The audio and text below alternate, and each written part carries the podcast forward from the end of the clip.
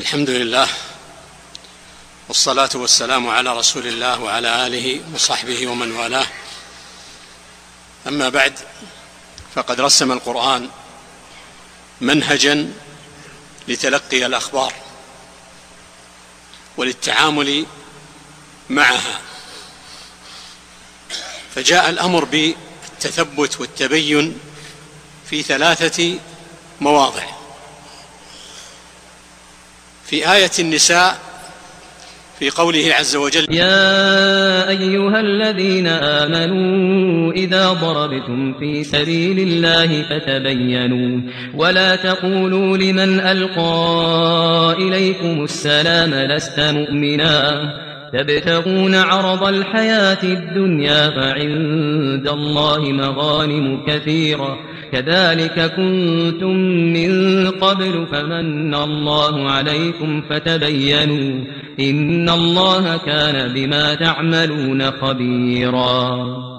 يا أيها الذين آمنوا إذا ضربتم في سبيل الله فتبينوا. هذا الموضع الأول.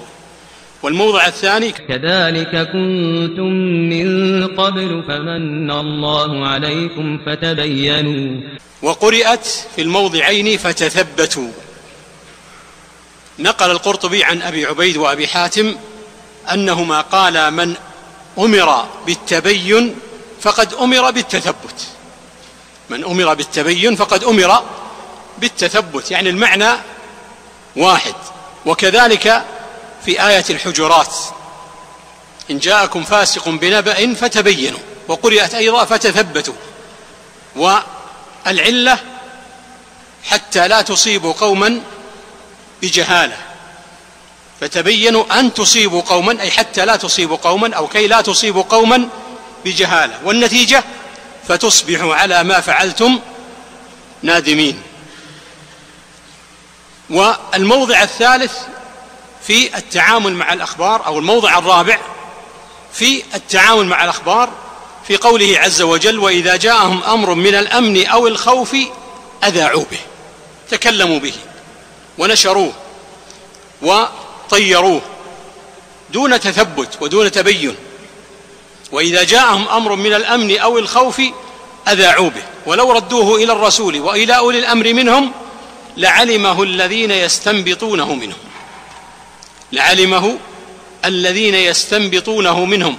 قال القرطبي رحمه الله هم العلماء الذين يعلمون ما يجب أن يقال وما يجب أن يسكت عنه. والقاعدة أنه ليس كل ما يعلم يقال. ولا كل ما يقال يصلح أن يقال في كل زمان ومكان كما سيأتي. والنبي صلى الله عليه وسلم جعل لذلك منهجا أيضا لتلقي الأخبار. يقول النبي عليه الصلاة والسلام بئس مطية الرجل زعموا. رواه الإمام أحمد وأبو داود. قال الخطابي الإنسان إذا أراد بلدا إذا أراد أن يذهب إلى بلد امتطى المطية وذهب. وكذلك صاحب الكلام والأخبار وإطلاق الكلام يركب زعم. ليس عنده تثبت وليس عنده تبين وليس عنده رصيد من الحقائق وإنما زعم. مثل قالوا وفي الصحيحين قوله عليه الصلاة والسلام إن الله كره لكم ثلاثا قيل وقال. قيل وقال وإضاعة المال وكثرة السؤال. قال الإمام مالك في تفسير قوله قيل وقال قال هو هذه الأخبار والأراجيف. هو هذه الأخبار والأراجيف التي ينقلها بعض الناس ويطيرونها ولا يتثبتون منها. هذه داخلة في نهي النبي عليه الصلاة والسلام عن قيل وقال. وقال ابن عبد البر المعنى في النهي عن قيل وقال المعنى الخوض في أحاديث الناس التي لا فائدة فيها وإنما جلها الغلط. وإنما جلها الغلط. أغلبها هو الغلط. وإنما جلها الغلط وحشو وغيبة وما لا يكتب فيه حسنة ولا سلم القائل والمستمع من سيئة. ولا سلم القائل والمستمع من سيئة. هذا هو المنهي عنه. وهذا هو تفسير قول النبي عليه الصلاة والسلام ومعنى قول النبي عليه الصلاة والسلام أو معنى النهي عن قيل وقال. وجاء في مقدمة صحيح مسلم قوله عليه الصلاة والسلام سيكون في أمتي أناس يحدثونكم ما لم تسمعوا أنتم ولا آباؤكم. ما لم تسمعوا أنتم ولا آباؤكم فاحذروهم. والحديث رواه الإمام أحمد وهو حديث حسن. هذا ما يتعلق بالمنهج فيما يتعلق بتلقي الأخبار. وأما الآثار المترتبة على ذلك فالتخذيل والإرجاف. تخذيل والإرجاف. وهذه من صفات المنافقين. لئن لم ينتهي المنافقون والذين في قلوبهم مرض والمرجفون في المدينة. ولذلك نص العلماء على أن المرجف والمخذل لا يصحب الجيش. لأنه يخذل ويرجف ويأتي بالأراجيف وبالأقوال. وهذا وصف المنافق. يحسبون كل صيحة عليهم. يحسبون كل صيحة عليهم. هذا هو حال المنافق. ومن هذا الباب ما أرجف به الشيطان على المسلمين في يوم أحد. قال أنس بن النضر رضي الله عنه أتيت إلى رجال من أصحاب النبي صلى الله عليه وسلم قد قعدوا يوم أحد. فقلت ما أقعدكم؟ قالوا قتل رسول الله. وهذه من الأراجيف التي بثها الشيطان لإضعاف المؤمنين والفت في العضد ولإدخال الهزيمة. هؤلاء مجرد ما سمعوا هذه الإشاعة قعدوا. فقال أنس بن النضر رضي الله عنه قوموا فموتوا على ما مات عليه رسول الله صلى الله عليه وسلم. إن كان مات حقا قوموا موتوا على ما مات عليه. ومن هذا الباب أيضا ما ذكره النبي عليه الصلاة والسلام وهو في صحيح مسلم في ذكر القتال في آخر الزمان قبل خروج الدجال. قال فبينما هم يقتسمون الغنائم قد علقوا أسلحتهم بالزيتون إذ صاح فيهم الشيطان. إذ صاح فيهم الشيطان. هذا من الأراجيف من الإشاعات. إذ صاح فيهم الشيطان إن الدجال قد خلفكم في أهليكم. قال فيخرجون فإذا هو باطل. هذا الصياح من الشيطان باطل لكنه إرجاف للمؤمنين وإدخال الهزيمة عليهم. من آثار الإشاعات وترويج الإشاعات من آثارها على المجتمع شق الصف والتفرق وتنافر القلوب. وهي كما قلت بضاعة الشيطان والمتكلم فيها ليس عنده رصيد إلا زعموا. والنبي عليه الصلاة والسلام يقول كما تقدم بئس مطية الرجل زعموا ليس عنده تثبت وإنما هي أراجيف وأقوال وقيل وقال كل هذه من الأمور المنهي عنها. ولا شك أن النبي عليه الصلاة والسلام سعى إلى تأليف القلوب وإلى تجميع القلوب. بل من الله عز وجل على النبي صلى الله عليه وسلم ومن على المؤمنين باجتماع الكلمة باجتماع القلوب. وألف بين قلوبهم لو أنفقت ما في الأرض جميعا ما ألفت بين قلوبهم ولكن الله ألف بينهم إنه عزيز حكيم. الثالث من آثار الإشاعات وقوع العداوة والبغضاء. وقوع العداوة والبغضاء بين المؤمنين وهذا هدف ومقصد من مقاصد الشيطان ومن مقاصد أتباع الشيطان. ولذلك أمرنا بالتثبت وأمرنا بترك كثير من الأقوال وأمرنا بالصلح وأمرنا بالعفو وكثير من الأمور التي أمرنا بها ونهينا عنها لئلا تفترق القلوب ولئلا يفترق الصف ولذلك لما نهى النبي عليه الصلاة والسلام عن عدة منهيات قال في آخر الحديث وكونوا عباد الله إخوانا. وكونوا عباد الله إخوانا.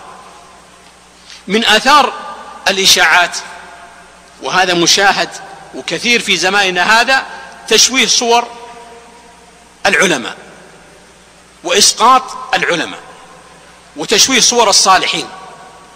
وإذا أسقط العالم أو أسقط العلماء فما النتيجة المترتبة على ذلك؟ النتيجة أن الناس يتخذون رؤوسا جهالا كما جاء في حديث عبد الله بن عمرو في الصحيحين فيسألون فيفتون بغير علم فيضلون ويضلون. إذا أسقط العلماء الكبار من يسأل الناس؟ إذا أتت الفتن التي لا يعرفها عامة الناس من يسأل الناس؟ بل حتى في المسائل الخاصة من إلى من يلجأ الناس؟ وما تفرقت الأمة وما شق العصا وما وقعت البدع في الأمة قديما وحديثا إلا يوم أن أسقط العلماء. فإذا أسقط العالم سهل اختراق المجتمع وسهل التأثير عليه. لكن إذا رجع الناس إلى العلماء وجدوا البيان وجدوا الحكمة حتى حكمة السن حكمة الشيوخ حكمة الكبار تجدها عند العلماء. يعني لو لم يكن فيهم إلا كبر السن لوجب احترامه. كيف؟ جمعوا وقد جمعوا بين كبر السن وبين العلم.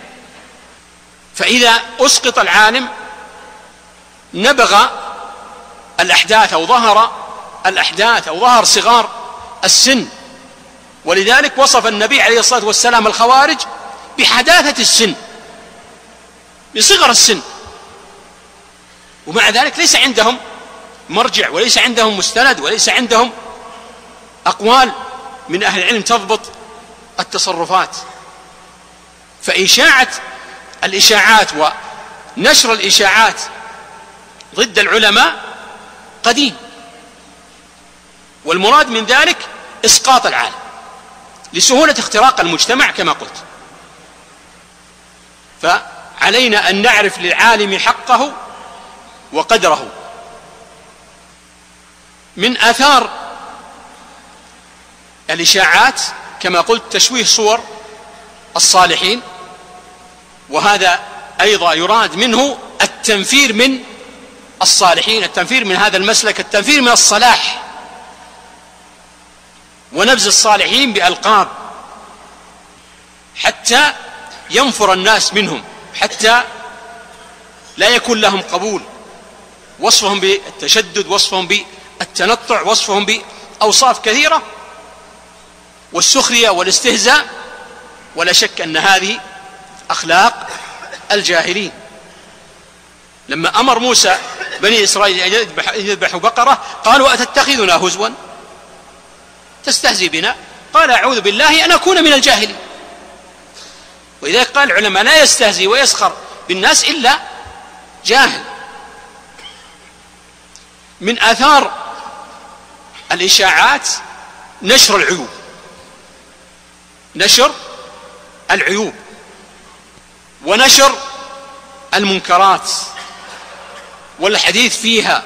قال ابن رجب رحمه الله قال بعض الوزراء لبعض من يأمر وينهى عن المعروف اجتهد في ستر أهل المعصية وهي معصية. فكيف بالعيوب التي لا يسلم منها أحد؟ اجتهد في ستر أهل المعصية فإن ظهورها شين في أهل الإسلام. فإن ظهورها شين في أهل الإسلام.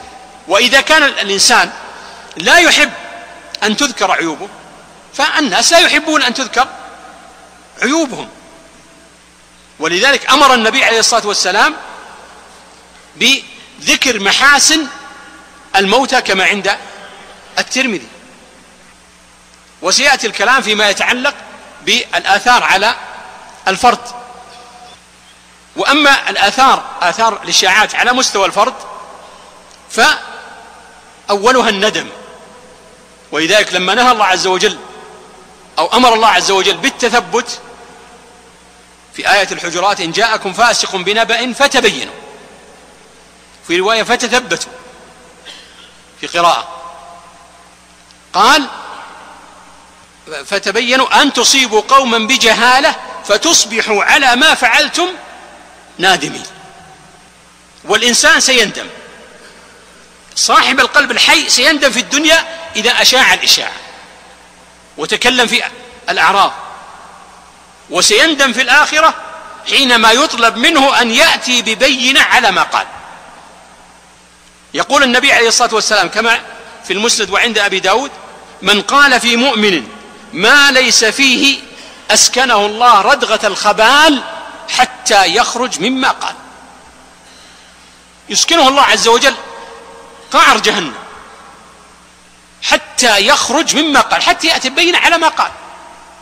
ولذلك يقول الإمام الشافعي رحمه الله أن أنت تملك الكلمة ما لم تتكلم بها فإذا تكلمت بها ملكتك.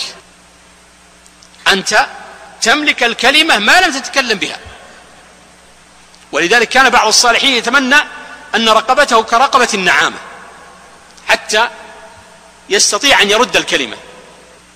لكن إذا تكلمت بالكلمة ملكتك. وعند أحمد قال شداد بن أوس رضي الله عنه لما تكلم بكلمة وأنكروها عليه قال والله ما تكلمت بكلمة منذ أسلمت إلا وأنا أزمها وأخطمها. أجعل لها زمام وخطام. أجعل لها ميزان قبل أن أتكلم بها. إلا هذه. يعني كلمة واحدة عدوها عليه. يقول ابن دقيق العيد رحمه الله ما تكلمت بكلمة ولا ما قلت قولا ولا فعلت فعلا إلا أعددت له جوابا بين يدي الله عز وجل. فمن منا يقول هذا؟ من نتائجها على الفرد وهي نتائج وخيمة في الآخرة الخوض. فيما لا يعلم الإنسان. وأهل النار إذا سئلوا ما سلككم في سقر أجابوا فيما يجيبون فيه وكنا نخوض مع الخائضين. قال ابن كثير رحمه الله أي كنا نتكلم بما لا نعلم. فالأمر خطير خاصة إذا تعلق الأمر بالعلماء أو تعلق الأمر بالشأن العام. كما ذكرنا قبل في آية النساء وإذا جاءهم أمر من الأمن أو الخوف أذاعوا به. ولو ردوه إلى الرسول وإلى أولي الأمر منهم لعلمه الذين يستنبطونه منهم وهم العلماء من آثارها على الفرد الوقوع في الكذب. ولذلك جاء في مقدمة صحيح مسلم قوله عليه الصلاة والسلام كفى بالمرء كذبا أن يحدث بكل ما سمع. فكيف إذا كان الإنسان ينقل أخبارا عن الفسقة في الإعلام أو حتى عن الكفار؟ ولا شك أن خبر الفاسق مردود وأولى منه بالرد خبر الكافر. أسأل الله عز وجل التوفيق للجميع وأسأل الله عز وجل أن يشفي مرضانا وأن يعافي مبتلانا وأن يرحم موتانا. إنه ولي ذلك والقادر عليه والله أعلم وصلى الله وسلم على نبينا محمد.